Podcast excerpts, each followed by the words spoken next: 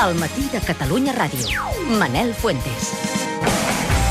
D'acord amb la reforma laboral, avui s'acaba la vigència dels convenis que es van prorrogar fa un any per negociar-ne de nous. Així, 100.000 treballadors catalans es poden quedar sense conveni. Hi ha 25 convenis que a partir d'avui poden quedar sense efecte, com el de transport, de mercaderies de Barcelona o el dels hospitals concertats. Camil Ros, secretari de Política Sindical de la UGT, molt bon dia.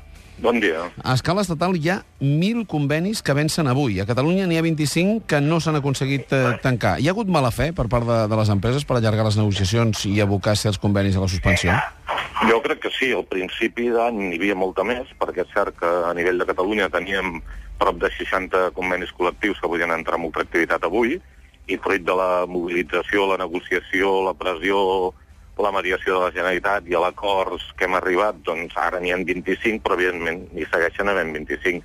I en molts d'aquests casos, dels 25 que queden, és aprofitar directament la- l'ultraactivitat doncs, per baixar costos laborals. A mi m'agrada explicar, perquè la gent entengui què vol dir això d'ultraactivitat, perquè és una paraula molt rara, Sí. doncs que avui un xòfer del transport de mercaderia de Barcelona, que el seu salari base són uns 1.300 euros, doncs es pot contractar algun al seu lloc de treball per 600. O una cosa encara pitjor, un metge d'un hospital concertat doncs pot ser contractat per 600 euros, bueno, 641 exactament, que és el salari mínim interprofessional. Per tant, ultraactivitat vol dir això, eh? a part d'altres efectes en la distribució de la jornada, en tots altres elements, però vol dir, evidentment, una pèrdua de condicions de treball i entrar en un moment que això pot ser la selva, perquè no és, no és els 25 que s'acaben avui. Al desembre n'acaben uns altres, a l'any que ve uns altres, per tant, això pot ser un element de conflictivitat i de judicialització permanent. Això vol dir que estem en un escenari on és previsible que hi hagi nous acomiadaments per contractar més econòmicament eh, la gent que, que feia aquella feina? Evidentment, amb l'exemple aquest que, que t'he situat, si tu pots contractar un xòfer per 600 euros o un metge per 600 euros, perquè has de pagar 1.300 o, o 2.000 euros de salari. Fins i tot l'indemnització d'aquesta persona, en dos o tres anys l'has amortitzat perfectament. Per tant, més que ajustar els convenis sectorials que puguin estar bloquejats, que puguin ser arcaics a les noves realitats de flexibilitat, el que suposa és una enèsima retallada de condicions de treball però també de competència deslleial. És a dir, si una empresa de transport paga la, té la meitat de costos laborals que la del costat, doncs també les empreses competiran ells i competiran a la baixa i degradant les condicions de treball. Anem-ho a debatre perquè també tenim a Javier Ibars, és director de Relacions Laborals de la Patronal Foment del Treball. Senyor Ibars, molt bon dia. Hola, bon dia. Com hem arribat a, a aquesta situació de que ja no siguin vàlids aquests convenis col·lectius?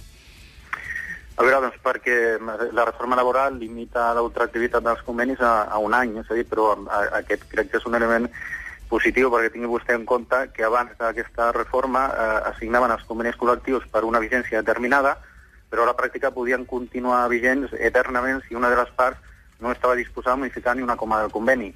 Uh -huh. Per tant, el que ha de fer aquesta reforma no és que decaiguin, sinó eh, empènyer les parts a fer un exercici de veritable negociació i de, i de modernització i adaptació dels convenis col·lectius. De totes maneres, el que has de dir és que la situació no és, no és tan dramàtica com la pinta el meu amic Camil Ros.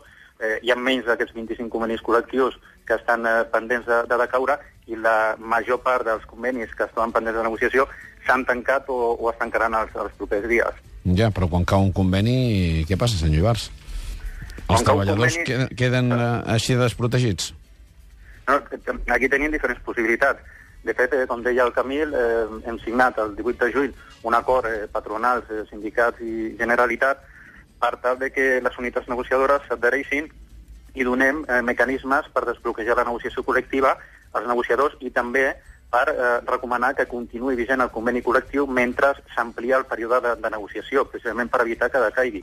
Posem a disposició de les parts aquests mecanismes, també mecanismes de desbloqueig, com eh, la mediació, per exemple, davant l'autoritat laboral, o com, per exemple, també eh, la possibilitat d'anar al Tribunal Laboral de Catalunya amb una comissió amb arbitratge o amb una conciliació, i en el supòsit de que, passats tots aquests mecanismes, no s'hagi arribat amb un acord, el que nosaltres entenem és que les parts han de seure, empreses i, i comitès o representants dels treballadors, i intentar assolir un acord equilibrat tenint en compte que s'han d'adaptar a, a, les noves situacions i a les noves conjuntures i a la situació específica de l'empresa. Uh -huh. Sí, però Javier, Javier, tu saps perfectament Aviam, hi ha patronals bones, dolentes i algunes de pirates, i així igual podríem dir de les empreses.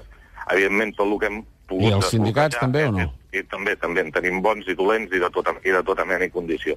Uh, per tant, a tots aquells on hem pogut arribar a acords s'han desbloquejat, però situacions de bloqueig, com el de transport de mercaderies, que és el més evident, es veu que aquí hi ha una mala fe negocial. Per tant, si això s'instaura en més sectors o amb empreses, ara, ara sortia durant el matí una empresa de, del sector petroquímic que doncs, també el conveni d'empresa no és vigent, se'n van a, se'n van a l'estatal. Una Per què, per què parla de mala fe? Però, Parlo, parlo de mala fe en el cas de transport de mercaderies, perquè jo crec que és evident, i aquest serà algun element que estem estudiant fins i tot de, de judicialitzar, perquè et situaven, primer, eh, et dono l'ultraactivitat, és a dir, la vigència del conveni, si renuncies a l'antiguitat, a certs elements de jornada, d'allò. Ara, posteriorment, els hi diem, adherim-nos a l'acord aquest que hem signat patronal i sindicats, que per tant tenim l'obligació de que les nostres organitzacions sectorials s'hi adhereixin. Diuen, eh, ens hi afegim si renuncieu al dret a vaga. Per tant, s'està utilitzant l'ultraactivitat no per desbloquejar un conveni, sinó com un element de rebaixa. Per tant, evidentment, en aquests sectors Senyor Ibars? entrarem en conflictivitat. Senyor Ibars? Permet- conflictivitat. En d'altres no, però en aquests sí. Ibars? Si em permet, eh, estic en, en total desacord amb, amb el que està dient el Camil, perquè a més jo és un, és un tema que he portat eh, molt directament, no negocio aquest conveni, però sí amb les patronals que ho estan negociant, i amb el conveni de transport de mercaderies el que ha passat és que els sindicats l'únic que volien és això que parlava abans de petrificar el conveni col·lectiu sense No, no, la a pròrroga- la realitat. pròrroga del- la pròrroga del Si conveni volíem. Si em permet, si, Increment salarial, Senyor Ibars. si, si si Senyor Ibars, endavant. sense, sense tocar ni una coma del conveni. La patrona, lògicament, el que volia era entrar a negociar i plantejava quatre punts a sobre de la taula per tal de negociar-los i amb una, amb una flexibilitat important. No s'ha pogut assolir un acord perquè la part sindical en aquest cas no estava disposat a, a modificar ni una coma del conveni i l'altre dia es va fer una reunió entre patronal i sindicats i la part empresarial el que deia és una cosa que és absolutament lògica, és ens adherim, estem disposats a adherir-nos a aquest acord d'ultraactivitat per tal de continuar negociant i que no decaigui el conveni col·lectiu, però lògicament durant aquest període d'ampliació de, de negociació eh, no té sentit que es facin vagues, perquè estem en ple procés Però de negociació. Per tant, no, la- l'adhesió... Escolta, la, vaga, Ros. la vaga, mentre hi ha negociació, és possible.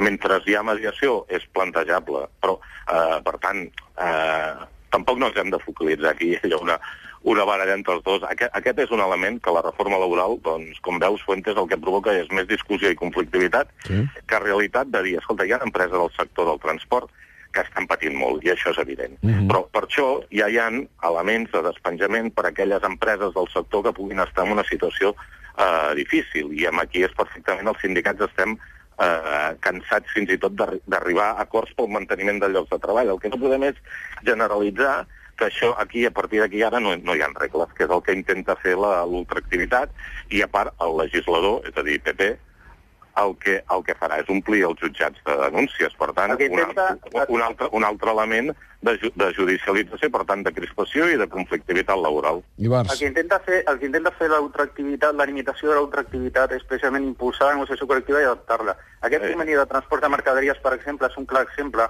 d'un conveni que es va Escolta, signar amb patronal- condicions... que la patronal permet, a l'acord. Aviam, senyor Ibars. L'acord aquest De- que hem signat tu i jo i que Així no ens entenem. Senyor I Ibars bàsicament- exposi els seus arguments i després el senyor, el senyor Ros contesta. Ibars. El, el, el, el conveni de transport de mercaderies, com passa en molts altres convenis, es van signar en èpoques de bonança econòmica. Eh, la part empresarial va fer una sèrie de concessions que en aquell moment eren possibles, però que en aquest moment de crisi econòmica no són possibles. I, per tant, el que es demana és flexibilitzar des del temps de treball fins a una reducció de costos laborals en determinats elements. És qüestió de negociar-lo, però si tens la possibilitat de que la limitació de l'ultraactivitat, sempre tens aquesta possibilitat de negociar i adaptar el conveni. Sense aquest mecanisme, el que està succeint és el, el, el, que, el que està passant en aquest cas, que els sindicats mm, el que farien és eh, rere conveni rere conveni mantenir les mateixes condicions amb independència dels canvis que es produeixen a l'economia i a la situació de les empreses i dels sectors. És així, senyor Ros? Eh? No, no és així. Bueno, en una part sí que és veritat que mantenir les condicions, evidentment. El que hem de situar és poden haver sectors en crisi, però no totes les empreses dels sectors estan en crisi. Per tant, el que hem de trobar són aquelles mesures de flexibilitat per a aquelles empreses que hi hagin les raons justificades, però hem de donar una estabilitat als sectors. I en el cas aquest hi ha un altre element, que és que fins i tot amb la intervenció de la Generalitat tampoc no ha estat possible. És a dir, un, un mediador extern, com és el Departament de Treball, tampoc no ha aconseguit que les parts es posin d'acord. I jo senzillament és que aquest és l'exemple paradigmàtic de dir si signem un acord que es potencia la mediació, i si no hi acaba ben acord, doncs anem a un arbitratge delegat, perquè hem de posar condicions. Ens adherim a l'acord que hem negociat les parts i resolem el problema. I podem dir, parlem de l'antiguitat, parlem-ne, però obrim un procés de negociació d'un any o del que sigui fins que s'arribi dels altres elements. És a dir, el que no es pot fer és, de la nit al dia, pum, retallar condicions de treball, fins i tot en aquests moments sense cap garantia de manteniment de llocs de treball. Els convenis sectorials són unes regles generals, no són unes regles sagrades. Tant I, de per tant, regles generals dels sectors n'hem de tenir. Tant de bo se'n surtin. Senyor Ibarz, per acabar, vol dir alguna cosa?